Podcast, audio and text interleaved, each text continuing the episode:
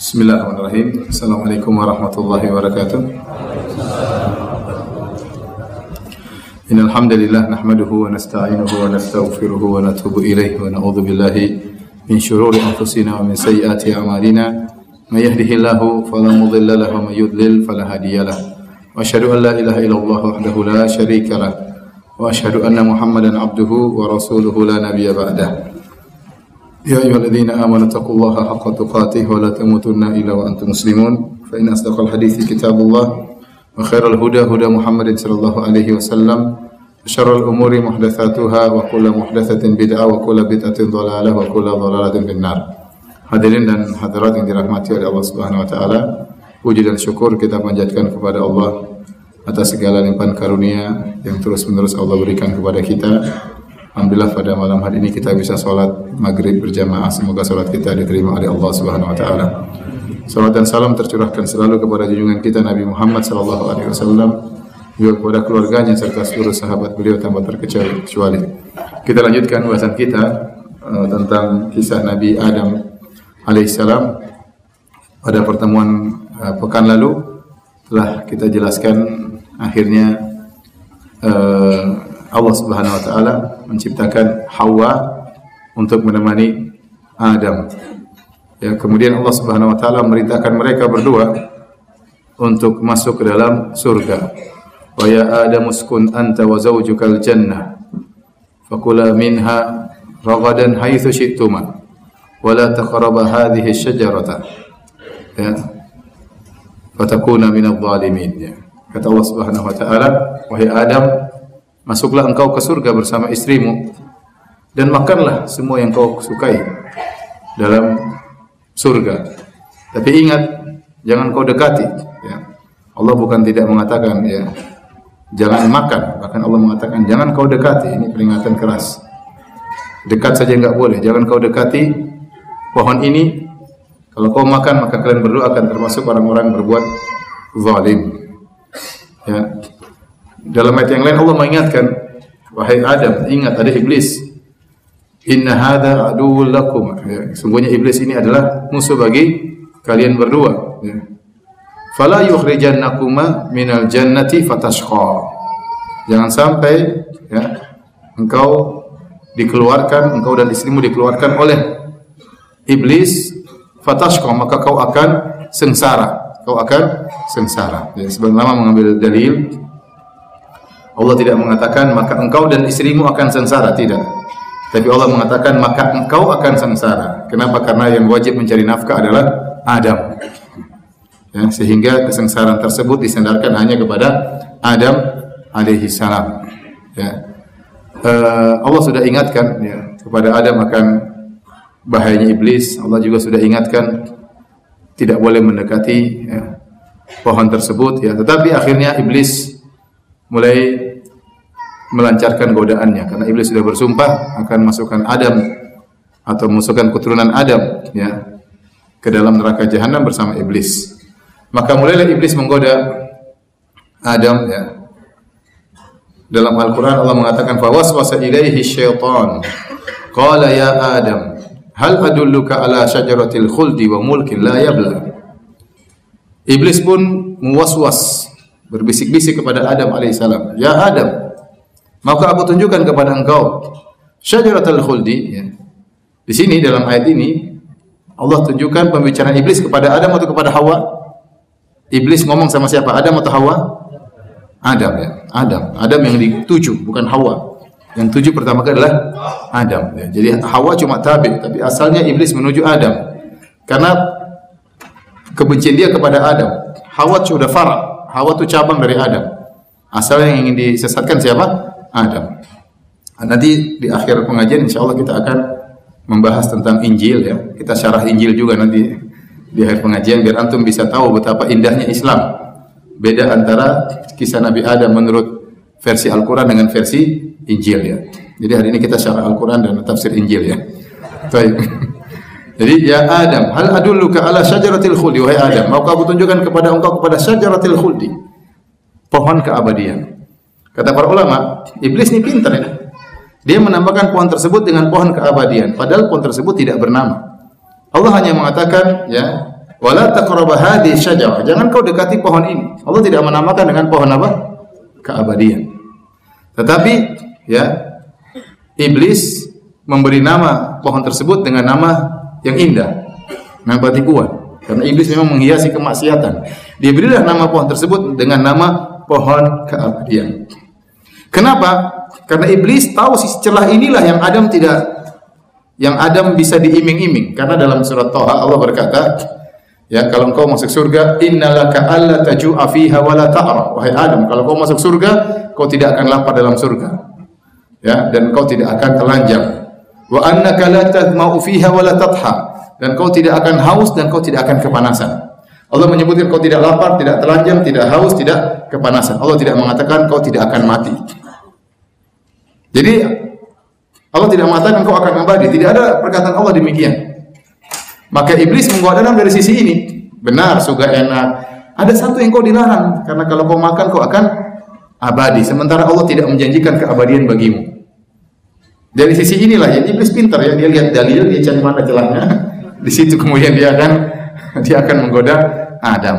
Dari sisi keabadian bahkan dia menamakan pohon tersebut dengan pohon khuldi. Ini penamaan yang tidak benar sebagaimana orang menamakan riba dengan bunga atau faedah. Padahal itu riba. Ya. Uh, apa bir dinamakan jamu ya. Jamu kesehatan ya dinamakan apa? Jamu kesehatan ya. Minuman untuk penghilang stres. Namanya yang indah ya.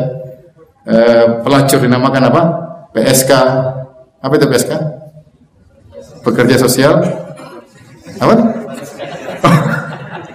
pekerja seks apa komersial bilang aja pezina selesai kenapa bilang apa namanya kok jadi kayak terhormat gitu. Padahal itu pekerjaan yang hina ya. Hina nama indah dinamakan pada suatu agar jadi laris. Jadi apa? Laris. Ya. Musik dinamakan musik Islami ya. Ulang tahun dinamakan milad. Ya. Jadi indah semuanya. Jadi Islami semuanya. Baik, hadirin yang dirahmati Allah Subhanahu wa taala ya. Dalam surat uh, Al-A'raf Allah berfirman Bagaimana iblis menggoda Adam. Wa qasamahuma inni lakuma la minan nasihin. Ya. Dia berkata, wahai dia bersumpah, maka iblis bersumpah, wahai Adam, sungguh-sungguh aku ini benar-benar ingin kebaikan bagimu. Kata Ibnu Qayyim, iblis bersumpah memberi penekanan kepada Adam sampai pada tiga penekanan atau lebih. Pertama, wa qasamahuma. Dia bilang, demi Allah wahai Adam. Kemudian, ini sungguhnya aku Lakuma minan nasin. Aku ini benar-benar sungguh-sungguh ingin kebaikan bagimu. Subhanallah. Luar biasa. Siapa? Iblis. Sudah sumpah ya, luar biasa. Dan dia mengatakan, "Wa qala ma nahakuma rabbukuma an hadhihi syajarati illa an takuna malakaini aw takuna minal khalidin." Sungguhnya Allah melarangmu memakan pohon ini. Kenapa kalau kau makan kau bisa abadi dan kau bisa jadi malaikat? Dan ini yang Adam ingin, ingin masuk surga selama-lamanya. Dari celah inilah iblis menggoda. Ya. Kata para ulama, ya akhirnya Adam pun tergoda. Dia tidak sangka ternyata iblis kurang ajar. Ya. Ini pertama Adam tidak pernah digoda sebelumnya. Pernah digoda sebelumnya? Tidak pernah. Baru pertama digoda, langsung yang goda paling top iblis yang goda. Bukan kerocok-kerocoknya lagi, Mas. Iblis yang sudah siap masuk neraka, siap untuk menggoda Adam dan dia bersumpah dengan nama Allah. Adam tidak menduga ya Mungkin dia husnuzan tapi tidak pada tempatnya. Kenapa tidak pada tempatnya? Karena Allah sudah mengatakan ini musuhmu. Kau husnuzan tidak pada tempatnya. Akhirnya Adam bersalah dan bersalah pula anak keturunannya. Akhirnya Adam pun makan bersama Hawa. Allah mengatakan fa'akala minha. Perhatikan sini. Al-Quran mengatakan fa'akala. Dua-duanya memakan. Fa'akala minha. Langsung bareng-bareng. Maka mereka berdua pun makan buah tersebut. Fabadat lahuma sawatuhuma, maka tampaklah aurat mereka berdua. Wa tafiqa yakhsifani alaihima min waraqil jannah. Maka dia pun mereka berdua mengambil daun-daun untuk menutup aurat mereka ya. Akhirnya Allah tegur, "Alam anhakuma antilkuma syajarati wa aqul lakuma inna syaitana lakuma aduwwum mubin." Allah mengatakan, "Wahai Adam dan Hawa, bukankah aku telah melarang kalian berdua makan dari dua dari pohon ini dan aku telah mengingatkan bahwa syaitan adalah musuh yang nyata bagi kalian berdua. Akhirnya Adam langsung bertobat. Ya, Rabbana zalamna anfusana wa illam taghfir lana wa tarhamna lanakunanna minal khasirin. Ya Rabb kami, sungguhnya kami berdua telah melakukan dosa. Kalau engkau tidak mengampuni kami berdua, tidak merahmati kami berdua, sungguh kami termasuk orang-orang yang merugi. Allah berfirman, "Fatalaqa Adamu min rabbih kalimatin." Adam pun menerima kata-kata dari Allah beberapa kalimat. Kata Allah, kata para ulama, Adam mau bertobat, dia bingung mengungkapkannya bagaimana. Bertobat dengan tobat yang indah, maka Allah ajarkan, "Rabbana zalamna anfusana wa illam taghfir lana wa tarhamna lanakunanna minal khasirin." Allah mengatakan fajtabahu rabbuhu fataba alaihi wa hada. Allah pun memilih Adam dan Allah pun mengampuni Adam dan Allah kemudian beri hidayah kepada kepada Adam. Dan benar, ini semua sudah ditakdirkan oleh Allah Subhanahu wa taala. Allah sudah membuat skenario Adam harus makan dari pohon tersebut dan Adam harus turun ke ke bumi. Di antara sebabnya adalah makan dari buah khuldi. Setelah itu Adam pun dan Hawa turun di atas muka bumi. Ya. Di mana mereka turun? Ada khilaf di kalangan ahli para sejarah, ahli sejarah, para ahli sejarah. Ada yang mengatakan turun di India, ya. berdua turun di India. Ada yang mengatakan dua-duanya turun di Jeddah. Ya. Ya. Ada yang mengatakan dua-duanya turun di Padang Arafah. Tapi nggak ada yang bilang turun di Jakarta, nggak ada. Ya. Tapi ini semua tidak ada dalilnya. Sebenarnya mengatakan turun di Jabal di Padang Arafah. Kemudian mereka saling mencari, saling mencari, tahu-tahu ketemunya di Jabal Rahmah. Akhirnya timbullah khurafat ini nanya Jabal Cinta, pohon cinta, apa? Gunung Cinta. Di situlah pertemuan Adam dan apa? Dan Hawa. Sampai mungkin ada orang bikin akad nikah di situ ya. Ada yang taruh foto di situ ya. ya. Ini semua adalah khurafat dan tidak tidak benar ya. Ini, kita nggak tahu Adam turun di mana. Yang jelas Adam turun, Hawa turun di atas muka bumi. Lantas mereka hidup dan beranak pinak. Kemudian akhirnya Adam meninggal. Ya, ada yang mengatakan usianya seribu tahun dan 900 tahun kurang lebih atau daripada itu tidak ada dalil yang tegas tentang Adam alaihissalam maka beliau pun meninggal dunia. Ya alaihissalam. Taib. Ada berapa ya faedah sebelum kita mensyarah Injil ya. Uh, pertama para hadirin Allah Subhanahu wa taala. Jadi lihatlah bagaimana iblis ya menghiasi maksiat. Ya. Kata iblis bersumpah la uzayyinanna lahum fil ardi. Sungguh aku akan menghiasi maksiat kepada anak keturunan Adam. Jadi iblis itu di antara tugas dia menghiasi maksiat. Sampai sebagian ulama dalam buku tafsir menyebutkan sampai orang gelisah kalau tidak melakukannya. Gelisah, dihiasi. Kalau dia tidak melakukan dia gelisah. Tidak bisa tidak melakukan, harus melakukan. Sehingga banyak orang kecanduan maksiat. Ya. Kalau sudah kecanduan zina tidak berzina tidak bisa, harus berzina. Minum khamar harus harus minum khamar ya. Pokoknya kegiatan yang maksiat dia tidak bisa tinggalkan. Kenapa? Karena dia dibuat gelisah kalau tidak melakukan maksiat tersebut. Allah hiasi. Di antara yang terkena penghiasan tersebut Adam alaihissalam. Antum bayangkan, dalam surga banyak sekali pohon, banyak sekali buah, mungkin ada daging-daging banyak sekali. Semua dihalalkan, cuma satu yang diharamkan. Tapi iblis tidak peduli yang dituju oleh iblis untuk dihiasi adalah yang diharamkan. Demikian juga di dunia ini banyak hal-hal yang halal tapi setan menghiasi kita pada perkara yang haram. Ya. Sampai-sampai seorang laki terkadang melihat istri orang terlihat sangat cantik, padahal istrinya lebih cantik daripada wanita tersebut. Apalagi kalau istrinya lebih jelek. istrinya saja lebih cantik, dibuat matanya melihat istri orang yang kurang cantik dari istrinya lebih cantik daripada istrinya. Paham atau tidak? Atau saya ulangi lagi. Istrinya saja lebih cantik, ada istri orang kurang cantik, tapi setan membuat dia melihat wanita tersebut lebih cantik, lebih oke okay daripada istrinya. Itu istrinya lebih cantik, apalagi kalau istrinya kurang cantik. lebih gila lagi, iblis menggoda. Jadi begitu. Padahal yang halal ya, sudah jelas, yang halal banyak. Kenapa minum khamr? Yang enak banyak sekali kok. Minum jus ini, jus ini, jus ini banyak sekali. Kenapa harus khamr? Dihiasi. Kenapa harus merokok? yang mau diisap-isap banyak halal. Kenapa harus merokok? Dihiasi orang kalau merokok tuh gagah. Terus iklannya Arnold, Arnold Schwarzenegger. Waduh, oh, dia kurus keren kan beda Terus naik kuda, naik mobil. Yang keren kudanya, yang keren mobil, yang keren bintang iklannya. Ente kalau dipasang situ tetap jelek, tahu nggak? Tapi gitu orang kalau sudah nggak merokok dia merasa Dulu coba ente ingat kalau ente merokok dulu. Dulu merokok kenapa? Kan gaya-gayaan kan? Padahal ente itu tahu racun itu bukan batuk, tapi setan menghiasi sehingga anak muda kalau tidak merokok seakan-akan kurang keren. Kurang keren di mata cewek, kurang keren. Begitu. Itu namanya setan menghiasi apa? Maksiat. Ini terjadi. Kenapa bisa jadi indah? Kita nggak masuk akal. Bir sudah pahit, bikin teler orang seperti orang gila. Kenapa bisa diminum? Karena dihiasi. Jangan heran, ada yang menghiasi. Ada yang menghiasi. Rokok ya, udah bikin batu, ya, ganggu orang. Ya. Orang terbatu-batu karena rokok asap rokok kita, bikin habis duit. Tapi orang beli. Kenapa? Ada yang menghiasi. Itulah kerjaan setan menghiasi kemaksiatan. Kita ambil juga faedah dari kisah ini. Ya. Di antara tujuan setan adalah agar orang-orang terbuka auratnya. Allah berfirman, "Ya bani Adam, la yaftinannakum syaitanu kama akhraja abawaykum minal jannah, yanzi'u anhuma libasahuma liyuriyahuma sawatihima." Wahai anak-anak Adam, keturunan Adam, jangan sampai kalian ya terfitnah oleh syaitan karena syaitan telah berhasil memfitnah kedua orang tua kalian. Jadi al-adawah, permusuhan antara kita dengan setan sudah permusuhan lama. Ya, permusuhan antara nenek moyang kita dengan iblis, dengan syaitan dan keturunannya.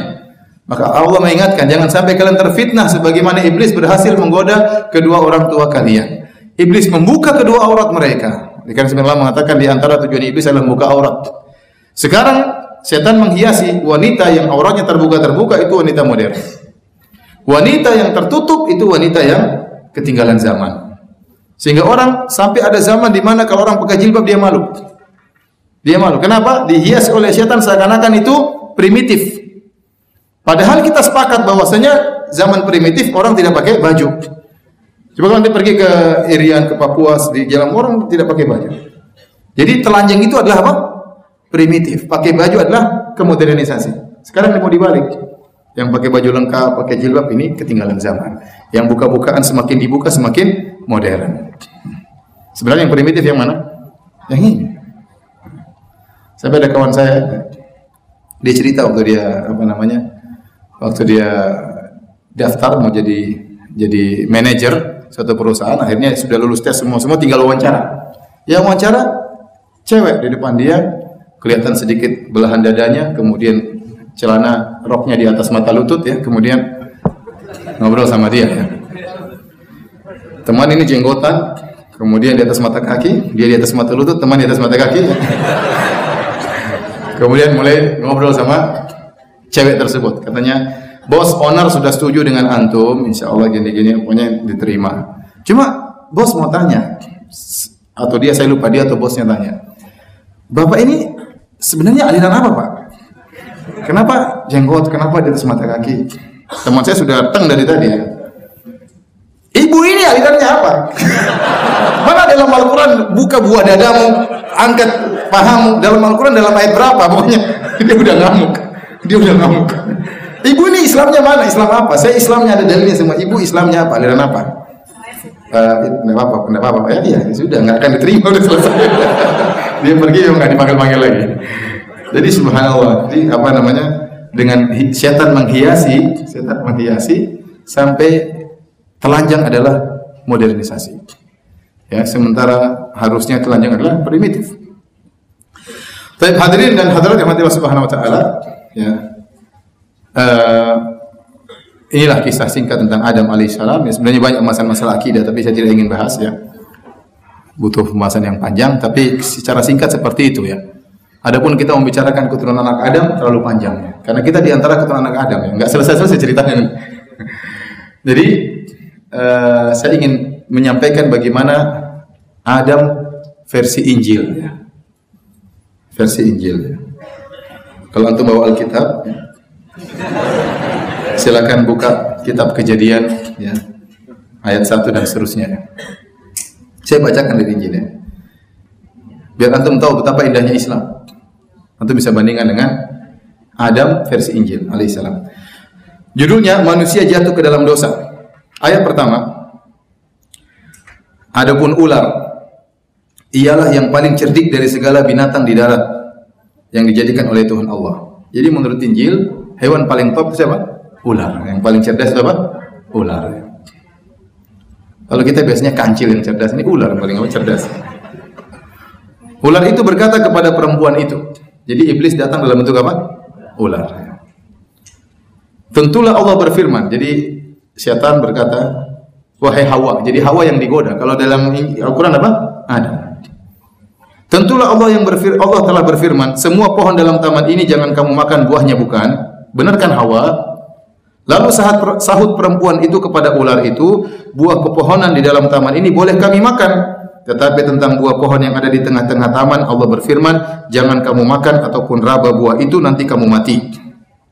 Lihat, di sini Hawa bercerita, Allah bilang sama kita, jangan kau Hawa dan Adam makan buah itu. Kalau makan nanti apa? Mati. Ternyata waktu mereka makan mati atau tidak? Tidak. Berarti Allah ngibulin mereka. Paham atau tidak? Iya, berarti dikibulin, ditakut-takutin. Waktu mereka makan mereka tidak mati, berarti Allah bohong dong. Ini yang buat narasinya ini salah dia waktu nyusun. Baik, lanjutkan. Tetapi ular itu berkata kepada perempuan itu, ular itu bantah. Sekali-sekali kamu tidak akan mati. Sekali-sekali kamu tidak akan mati. Jadi dia bantah, ah, Tuhan nggak benar, kamu tidak bakal mati. Jadi ini iblis terlalu bahlul kalau begini. Ya. ya karena langsung dia bantah, nggak benar ya. Harusnya Adam nggak percaya dong. Itu seakan-akan iblis berkata Allah bohong. Kalau cara menggodanya begini, Adam tidak akan tergoda. Tapi kalau versi Quran lihat bagaimana cara iblis apa? Menggoda. Dia menampilkan satu sisi yang tidak disebutkan oleh Allah Subhanahu wa taala. Kamu akan abadi. Paham? Tetapi Allah mengetahui bahwa pada waktu kamu memakannya matamu akan terbuka dan kamu akan menjadi seperti Allah tahu tentang yang baik dan yang jahat. Bukan seperti malaikat lagi seperti apa? Allah ya. Adam digoda kayak gitu kamu bakalan jadi Tuhan ya gimana? Perempuan itu melihat bahwa pohon itu baik untuk dimakan dan sedap kelihatannya. Lagi pula pohon itu menarik hati karena memberi pengertian. Lalu ia mengambil dari buahnya dan dimakannya dimakan akhirnya dan diberikannya juga kepada suaminya Adam. Jadi yang kasih Adam siapa? Hawa. Jadi yang menggoda Adam siapa? Hawa, bukan iblis.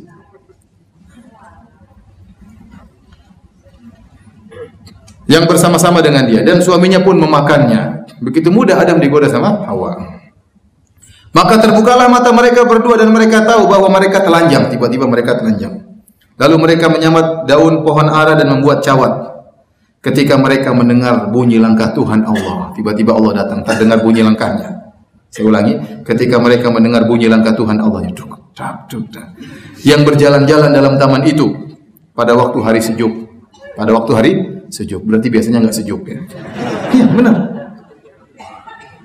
Kalau dalam Al-Quran, la tahma'u fiha kau wala tatha kau tidak akan pernah panas. Jadi surga itu sejuk terus. Tapi di sini dia mengatakan tatkala waktu itu apa? Sejuk. Bersembunyilah manusia dan istrinya itu terhadap Tuhan. Di antara Tuhan Allah di antara pohon-pohon dalam taman. Hawa ada Tuhan sembunyi-sembunyi. Kira-kira begitu. Eh, kita bersembunyi-sembunyi. Subhanallah. Jadi Adam menyangka dia bisa selamat dari pencarian siapa? Kita sembunyi Allah Tuhan tidak tahu ya. Subhanallah. Ya, dia nyusun ceritanya salah ini. Ya. Tetapi Tuhan Allah memanggil manusia itu dan berfirman kepadanya, "Di mana engkau?" Benar Tuhan tidak tahu. Di manakah engkau? Benar. Tanya, di manakah engkau? Akhirnya ada menjawab. Ia menjawab. Nggak enak kan dicari-cari di mana di mana. Akhirnya ia menjawab, ada menjawab. Ketika aku mendengar bahwa engkau ada dalam taman ini, aku menjadi takut. Karena aku telanjang sebab itu aku bersembunyi. Allah masih nggak tahu lagi. Siapa yang beritahukan kepadamu bahwa engkau telanjang? Allah masih belum tahu. Siapa yang bilang kamu telanjang? Apakah engkau makan dari buah pohon? Allah masih tanya lagi. Kamu makan ya?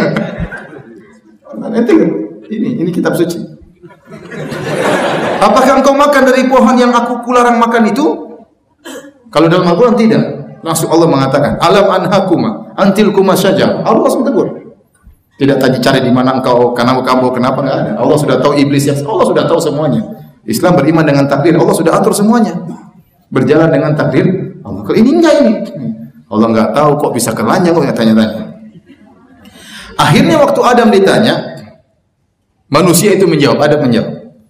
Lihat bagaimana kalau dalam Islam dua-duanya langsung bertobat. Rabbana dhalamna anfusana. Dalam versi Injil, Adam melimpahkan, mengkambing hitamkan Hawa. Kata Adam, perempuan yang kau tempatkan di sisiku, dialah yang memberi dari buah pohon itu kepadaku, maka aku makan. Jadi dia mengatakan lah, Yang taruh Hawa di sini siapa? Engkau ya Allah. Ini yang jadi masalah bikin saya makan. Iya, jadi dia melemparkan kesalahan kepada siapa? Hawa. Dalam Islam tidak. Fa'akala minha. Dua-duanya langsung makan bareng-bareng. Ini kalau dalam versi ini Hawa makan dulu, terus rayu-rayu apa? Suaminya. Ya wajar. Ada waktu ditegur. Kenapa ente makan? Nah ini yang godain saya. Yang taruh dia sini ya ente ya Allah. Kira-kira begitulah. Ya. Anda yang meletakkan dia di sini. Ya, saya bacakan lafalnya. Perempuan yang kau tempatkan di sisiku, dialah yang memberi dari buah pohon itu kepadaku maka aku makan. Kemudian berfirmanlah Tuhan Allah kepada perempuan itu, apa yang telah kau perbuat ini? Jawab perempuan itu, ular itu yang memperdayakan aku, maka aku makan. Lalu Allah berfirman, Tuhan Allah, lalu berfirmanlah Tuhan Allah kepada ular itu, Tuhan Allah kepada ular itu. Karena engkau berbuat demikian, terkutuklah engkau di antara segala ternak ular dikutuk. Dan di antara segala binatang hutan, dengan perutmu lah engkau akan menjalar. Sekarang kau akan berjalan dengan apa? Perut. Sebelumnya ular tegak sebenarnya. Gara-gara dia terkutuk, akhirnya dia berjalan dengan apa? Dengan perut. Dan debu dan dan debu tanahlah akan kau makan seumur hidupmu. Aku akan mengadakan permusuhan antara engkau dan perempuan ini. Allah berkutuk terus. Antara keturunanmu dan keturunannya. Jadi ada permusuhan berat antara perempuan dengan apa? Anak Adam dengan ular. Keturunannya akan meremukkan kepalamu. Jadi kata kata Allah, wahai ular hati-hati. Keturunan Adam akan remukkan apa? Kepalamu. Dan engkau akan meremukkan tumitnya. Jadi ini sudah uh, hukuman kepada ular. Sekarang kepada perempuan. Firmannya kepada perempuan itu, susah payahmu waktu mengandung akan kubuat sangat banyak. Sebenarnya Hawa tuh kalau melahirkan gampang ya. Namun gara-gara dia makan buah itu dikutuk atau dihukum oleh Allah sehingga kalau melahirkan apa? Susah. Ini khurafatnya mereka. Dengan kesakitan kau akan melahirkan anakmu. Jadi mengandung susah itu semua gara-gara makan buah khuldi. Namun di antara kutukannya atau hukumannya, namun engkau akan birahi kepada suamimu. Alhamdulillah ada kutukan ini. Di antara hukuman kepada Hawa, perempuan jadi nafsu kepada laki-laki. Kalau nggak ada ini repot. Subhanallah. Dan ia akan berkuasa di atasmu. Ya. Uh, dan suamimu akan menguasai engkau ya. Namun engkau akan diraih kepada suamimu dan ia akan berkuasa atasmu. Suami akan berkuasa atasmu. Lalu firmannya kepada manusia itu, karena engkau mendengar perkataan istrimu dan makan dari buah pohon yang telah kuperintahkan kepadamu, jangan makan daripadanya, maka terkutuklah tanah karena engkau dengan berusaha payah engkau akan mencari rezekimu dari tanah seumur hidupmu. Ini yang mirip dengan Al-Quran. Ya, kau akan susah payah hidup di dunia dan seterusnya. Jadi untuk melihat ya, inilah ya indahnya Islam jika antum bandingkan dengan agama mereka. Dari kisah Adam ini timbullah khurafat khurafat yang berkelanjutan. Di antara khurafat yang ada pada mereka ini diciptakan oleh Paulus. Apa? Paulus. Ya. Paulus itu ha? Paulus, Paulus. Jadi Paulus itu di versi mereka adalah seorang rasul. Seorang rasul. Tuhannya Yesus. Kalau kita Yesus itulah rasul, Tuhannya siapa? Allah. Yang bikin khurafat ini adalah Paulus sendiri. Jadi disebutkan dia adalah orang yang sangat memusuhi Bani Israel. Suatu hari dia berjalan untuk memusuhi Bani Israel. Di tengah perjalanan tiba-tiba Yesus turun dan mengangkat dia sebagai seorang Rasul. Dan inilah cerita yang belum pernah ada di, Rasul-Rasul sebelumnya. Penjahat tiba-tiba diangkat menjadi seorang Rasul.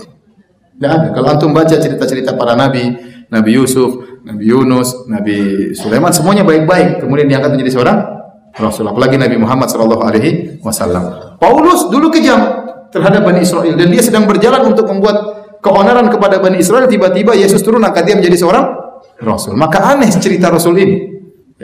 Penjahat diangkat menjadi rasul. Ini tidak seperti kisah-kisah rasul biasanya. Kemudian dia membuat banyak khurafat dan buku yang paling bagus bahas tentang ini adalah bukunya Risalah Magisternya Dr. Said Agil Siraj. Ya tentang pengaruh Rosailur Rusul risalah-risalah Paulus terhadap penyelewengan agama Nasrani. Itu risalah magister dia. Ya, eh, Dr. Said Agil Siraj. Paling bagus buku ini. Ya sudah download, saya baca-baca sebagian. Taib. Akhirnya ada khurafat agar Yesus ini bisa menjadi Tuhan. Filosofinya begini. Jadi ada namanya dosa keturunan, dosa warisan. Adam bersalah. Maka dosa-dosa ini menurunlah kepada seluruh anak Adam. Nah, dosa ini tidak bisa hilang. Setiap anak Adam yang lahir sudah berlumuran dengan dosa ini yang diwarisi oleh nenek moyangnya. Bukan cuma darah Adam yang diwariskan, bahkan dosanya juga diwariskan. Nah, dosa ini bagaimana bisa dihapuskan? Tidak bisa di, harus ditebus. Dan penebusannya tidak boleh juga dengan manusia karena manusia pasti sudah ada dosa warisan. Bagaimana suatu yang berdosa bisa menebus dosa? Maka yang menebusnya harus yang benar-benar suci, tidak ada kekurangan sama sekali, tidak dosa sama sekali. Dan yang benar-benar suci, tidak ada dosa sama sekali ya Tuhan. Nah, jadi repot. Sekarang bagaimana menebus sementara Tuhan tidak bisa menebus begitu saja, maka Tuhan terpaksa menjelma menjadi apa? Manusia. Paham? Maka dia langsung masuk dalam perut Maryam dan dia bukan dari nutfah, bukan dari air mani, karena setiap air mani pasti sudah mengandung dosa warisan. Paham ini? Dari situlah kemudian keluarlah Nabi Isa sebagai Tuhan dan akhirnya disalib sebagai penebus dosa warisan itu. Paham? Jadilah Nabi Isa adalah apa? Tuhan. Nah, Rasulnya siapa? Paulus. Paham filosofinya? Apa perlu saya ulang? Saya ulangi sederhana. Biar antum paham. Jadi, Dosa Nabi Adam ini diturunkan kepada anak turunannya. Ya. Kita semua bin Adam. Kemudian bukan cuma darah yang diturunkan, bahkan dosa diturunkan. Dan dosa ini harus ditebus. Tebusnya bagaimana? Harus ditebus dengan sesuatu yang suci pula. Kalau ditebus dengan manusia, pasti apa? Sama kotor. Kalau gitu sudah suci. Suci yang suci apa? Yang maha suci cuma Allah. Maka Allah terpaksa. Kalau Allah yang turun nggak bisa. Allah terpaksa menjelma menjadi manusia.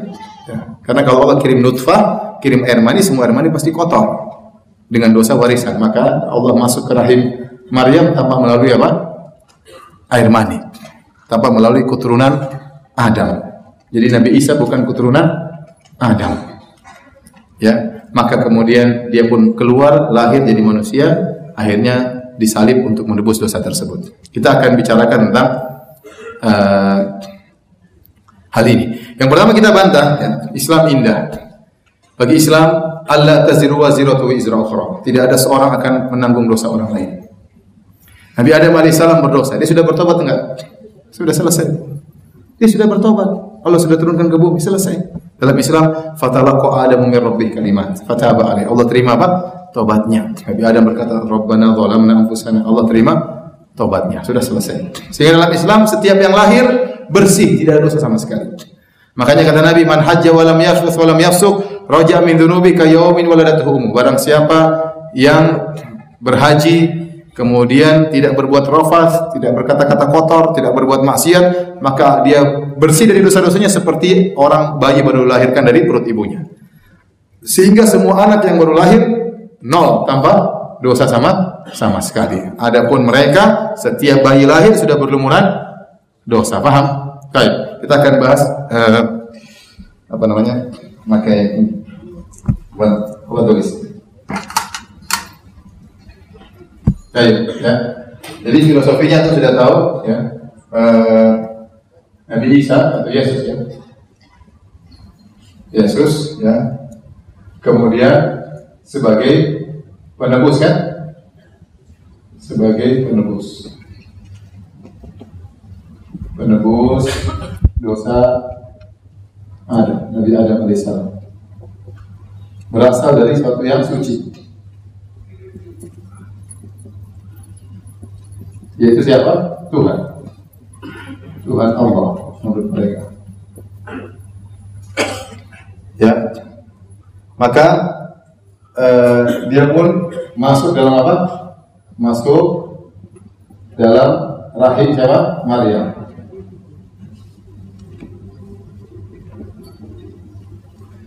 Kemudian akhirnya di dibunuh disalib ya akhirnya apa meninggal ya dibunuh mati dengan buruk meninggal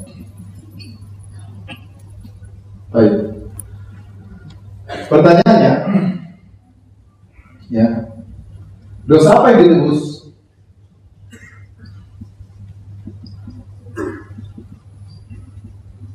Ada dua eh, kemungkinan. Semua dosa atau hanya dosa Nabi Adam? Nabi Adam makan apa? Makan buah.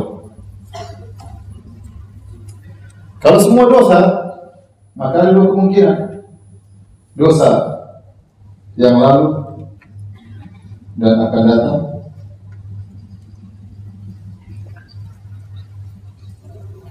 setelah akan datang setelah penyaliban atau dosa sebelum penyaliban.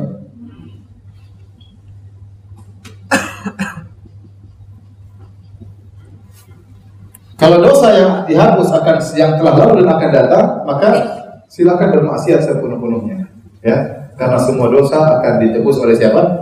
Bisa paham? Yang ini tidak mungkin. Karena ini melazimkan apa?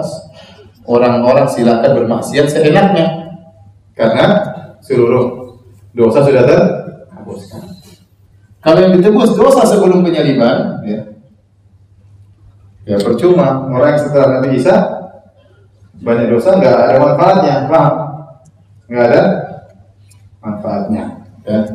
Maka yang setelah Nabi Isa yang setelah penyaliban tidak mengambil manfaat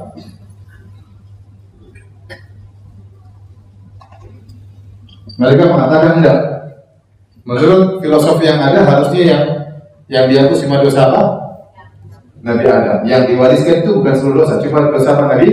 Nabi Adam. Baik. Berarti anak Adam itu ada dua dosanya. Ya. Anak-anak Adam ada dua dosa. Pertama, dosa sendiri. Kedua, dosa warisan. Nah, dosa warisan cuma makan apa? Makan? Buah.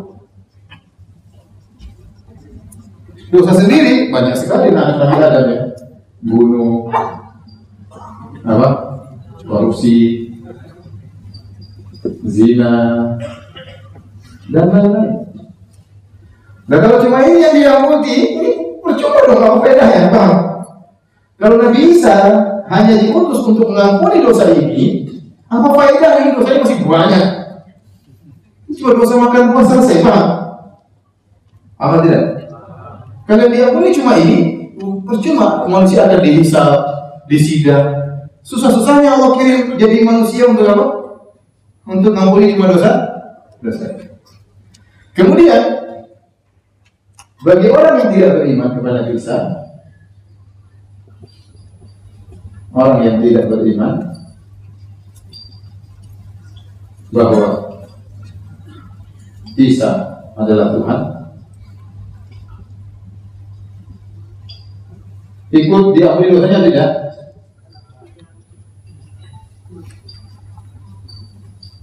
Saya sama itu. Kalau bisa sudah datang, dia kan tugasnya menebus apa? Menebus dosanya dosa warisan. Nah, jadi kalau bisa datang, dosa tersebut hapus atau tidak? Hapus atau tidak?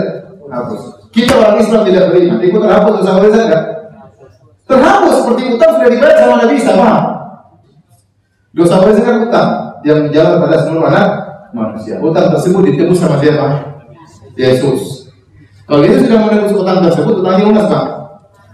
Lunas. Paham nggak? Itu orang Islam tidak beriman tetap saja tidak ada masalah. Jadi tidak perlu beriman dia sebagai apa? Tuhan. Karena dia juga tetap selamat. Konsekuensinya orang yang tidak beriman dari sisi dosa ini tetap selamat karena sudah dibayar oleh Nabi Nabi Isa. Dari sini pak, Baik. Kita bisa mengatakan Yesus harus belajar berasal dari satu yang suci. Ternyata masuk dalam rahim Maria. Maria itu suci enggak? Atau bawa dosa warisan juga? Sudah sama tuh. Maryam ini bawa dosa besar tidak? Maryam begitu. Dalam perut Maryam, Maryam kata Isa nih, Maryam kata mereka, enggak, Maryam ini sudah dibersihkan. Begitu mudah dibersihkan Maryam. Ngapain dia dikirim jadi masuk-masuk dalam tiga waktu selesai? Paham? Paham tidak? Nah kalau Maryam bisa diampuni dengan begitu mudah, ngapain Allah sudah susah kemudian menjelma jadi manusia, masuk dalam perut apa? Maryam, kemudian keluar ditetei sama Maryam, ngapain? Sudah sekali. Mengandung Maryam setengah mati, Maryam sudah diampuni, terus yang lain kenapa bikin filosofi seperti ini? Paham tidak? Baik.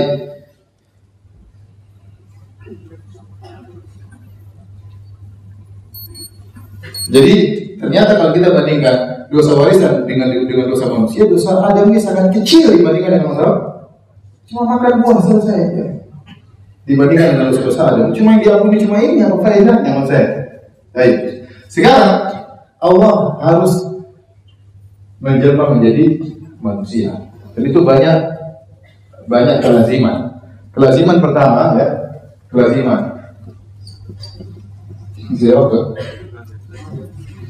kelaziman kita cepat saja Tuhan Allah menjelma menjadi Yesus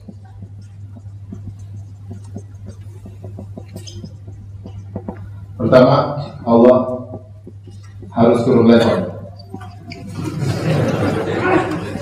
Iya jadi level manusia. Jadi apa? Manu? manusia. Bahkan kecil dulu. Kecil apa namanya? Kecil terus nyusu ya. Digendong dalam perut 9 bulan. 9 bulan dan lain-lain. Waktu Allah dalam perut 9 bulan siapa yang ngurus alam semesta? Dia saja nggak bisa keluar dari perutnya harus ngurus apa? Alam semesta. Paham ada kemudian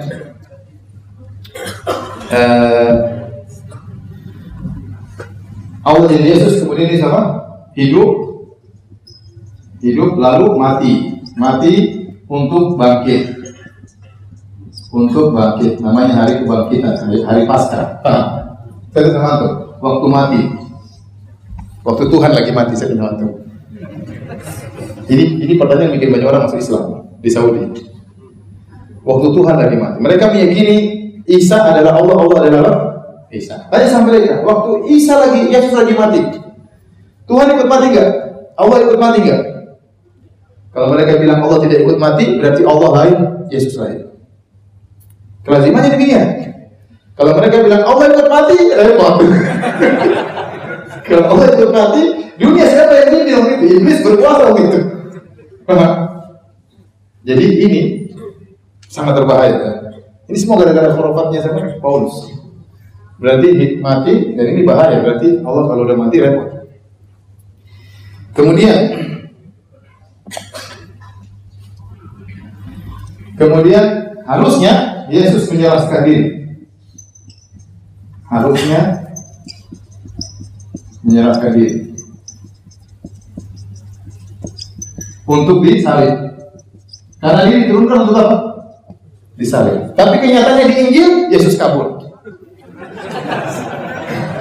Bahwa dia diutus untuk apa? Untuk disalib. Waktu di Injil yang baca, dia kabur, sembunyi dari Yahudi. Kalau orang tanya, kenapa yang bunuh saya? Saya tidak salah. Gitu. Terus dia minta tolong sama waktu disalib, dia minta tolong, ya Bapak selamatkan aku. Berarti dia tidak mau disalib. Paham? Seharusnya kalau Yesus seharusnya menyerahkan diri. Oh ini yang saya tunggu-tunggu. Silahkan. Harusnya begitu. Ini yang saya tunggu-tunggu. Sudah, jangan sedih. Biar. Jadi benar. Kalian pahlawan yang tangkap saya. Kalau kalian tidak tangkap saya, ini musibah semua di neraka.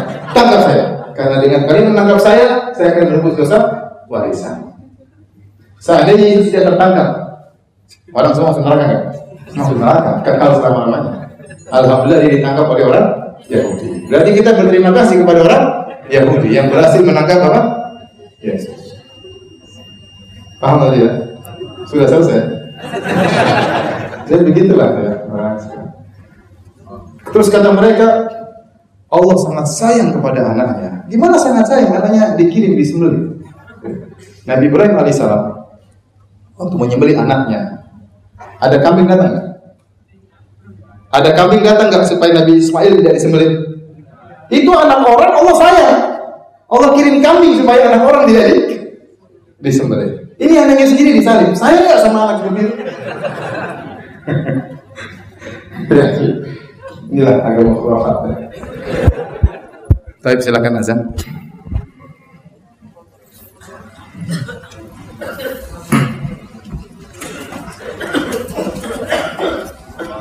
Baik hadirin dan hadirat rahmatillah subhanahu wa taala kita jawab pertanyaan yang masuk ya. Saya pernah dengar dalam sebuah kajian benarkah saat penciptaan jasad Adam sebelum dimasuk ruh iblis telah masuk ke dalam tubuh Adam untuk memahami unsur-unsur dalam tubuh Adam sehingga mudah iblis untuk mengetahui seluk-beluk tubuh Adam tubuh manusia sehingga bisa dengan mudah mempengaruhi manusia untuk mengikuti kemauan iblis. Benarkah perkara tersebut? Kalaupun ada dia dari Israiliyat, ya tidak ada dari dalil yang apa? Yang sahih ya. Iblis masuk dalam uh, waktu ada masih dalam bentuk apa namanya patung, kemudian dilihat-lihat dari tanah apa, tanah apa. Terus apa faedahnya kalau tahu dari tanah Jawa, dari tanah? Saya rasa kalaupun benar tidak tidak tidak tidak logis juga. Tapi ini tidak ada dalilnya. Ya. Tapi kalau kita mau baca tentang Israiliyat dalam buku-buku tafsir banyak. Begini katanya begini, tapi semuanya katanya katanya. Ya, tidak bisa kita ketahui kebenarannya. Assalamualaikum Ustaz. Waalaikumsalam. Anda tahu apakah benar Alkitab selalu direvisi? Alkitab dalam sebagaimana dijelaskan oleh sebagian ulama ya dalam berbagai dekade terjadi perubahan ya. Sehingga kalau kita lihat terjemahan versi ini, terjemahan versi ini ada kan ada perubahan, akan ada perbedaan ya. Akan ada perbedaan ya. Kenapa? Karena tidak terjaga e, bahasa otentiknya seperti Al-Qur'an tidak. Al-Qur'an tetap bahasa Arab terjaga sehingga tidak bisa dirubah-rubah. Paling kalau ada kesalahan terjemahan akan ketahuan, tapi teks aslinya teks aslinya tidak berubah ya. Karena teks Injil tidak diketahui aslinya, tidak jelas mana teks aslinya sehingga rawan tatkala terjadi perubahan dari satu bahasa ke bahasa yang yang lain, rawan. Adapun Quran tidak sembarang, ada kaidah-kaidahnya dan banyak dalam uh, kaidah-kaidah untuk menerjemahkan dan menafsirkan. Apakah Adam ketika digoda, dibisik-bisik oleh iblis, uh, itu cuma sama seperti manusia hanya dibisik-bisik, ataukah wujud iblis terlihat oleh Adam? Ini yang saya tidak tahu ya. Ini yang saya tidak tahu ya. Bahkan ada penelitian, apakah iblis masuk surga waktu menggoda Adam atau cuma dari pintu panggil-panggil Adam Adam sini gitu. Enggak tahu. Atau cuma was-was tidak ada bentuknya, tidak dijelaskan dalam Al-Qur'an maupun hadis-hadis Nabi Natum tahu juga apa faedahnya. Ya, yang jelas Adam sudah tergoda dan sudah memakan buah tersebut ya. Pernah ada yang tanya sama saya, Ustaz, kalau kita masuk surga nanti, boleh nggak kita cari buah khuldi untuk kita makan? Oh, saya bilang jangan. kalau makan turun lagi bagaimana? yang pertama buah tersebut belum tentu ada. Sudah, jangan macam-macam. Nanti kenapa cari yang aneh-aneh? Penasaran, ingin makan buah tersebut ya. Kalau ada yang potong itu pohonnya bahaya. Kita nggak tahu ya apakah ada atau atau tidak. Tapi pertanyaan tersebut tidak ada faedahnya.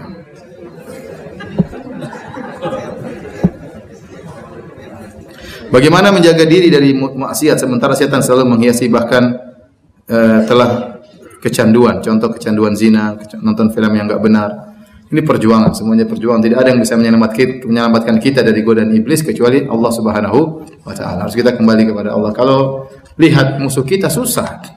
Iblis sudah berpengalaman, ya. Ribuan tahun dia tahu goda ustadz kayak apa, ya. goda ente gini kayak apa, dia tahu ya. Goda orang jamaah kayak apa. goda semuanya sudah tahu. Ibu-ibu cara godanya bagaimana, mereka sudah tahu ya. Dia sudah sangat berpengalaman. Sementara kita hidup pengalaman hidup cuma sedikit. Dia nggak mati-mati dari dulu.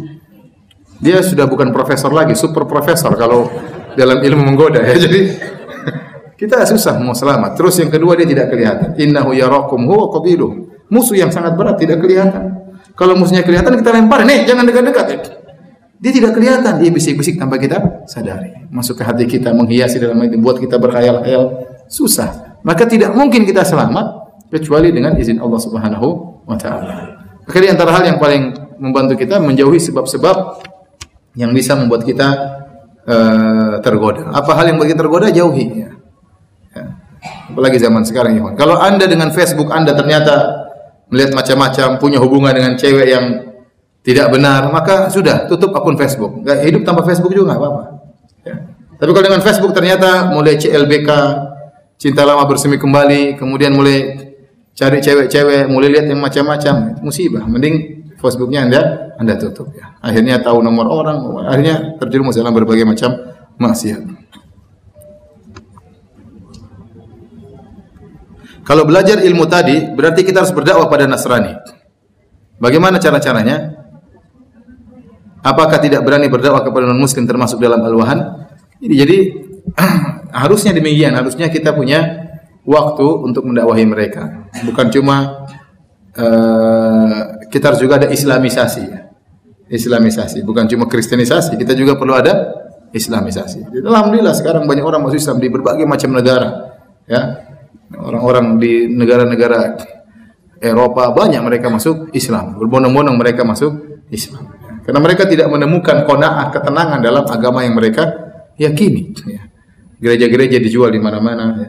Sampai sebagian negara mengeluarkan peraturan gereja tidak boleh dijual. Kenapa kalau dijual pasti yang beli orang Islam. Dibikin apa? Bikin masjid. Ya. Saya kemarin ke suatu negara uh, gereja dijual, kemudian sinagog apa yang punya Yahudi juga dijual, dibeli. Masih ada capnya ini. Jadi alhamdulillah Islam berkembang ya. Kalau anda anda, anda bisa mendakwahi mereka ini yang terbaik. Karena Nabi SAW mengkhususkan orang untuk berdakwah kepada ahlul kitab. Nabi mengirim Muaz bin Jabal. Ini yang kurang bagi kita para dai kita mendakwahi orang Islam sendiri harusnya ada di antara kita yang khusus mendakwahi mereka. Bikin syubhat buat mereka. Bikin syubhat buat mereka, bikin mereka goyang dengan apa? Agama mereka. Agar mereka tahu bahwasanya Islam itu agama yang yang indah ya. Demikian para hadirin kajian kita. Subhanakallah bihamdik asyhadu an la ilaha illa anta astaghfiruka. Assalamualaikum warahmatullahi wabarakatuh.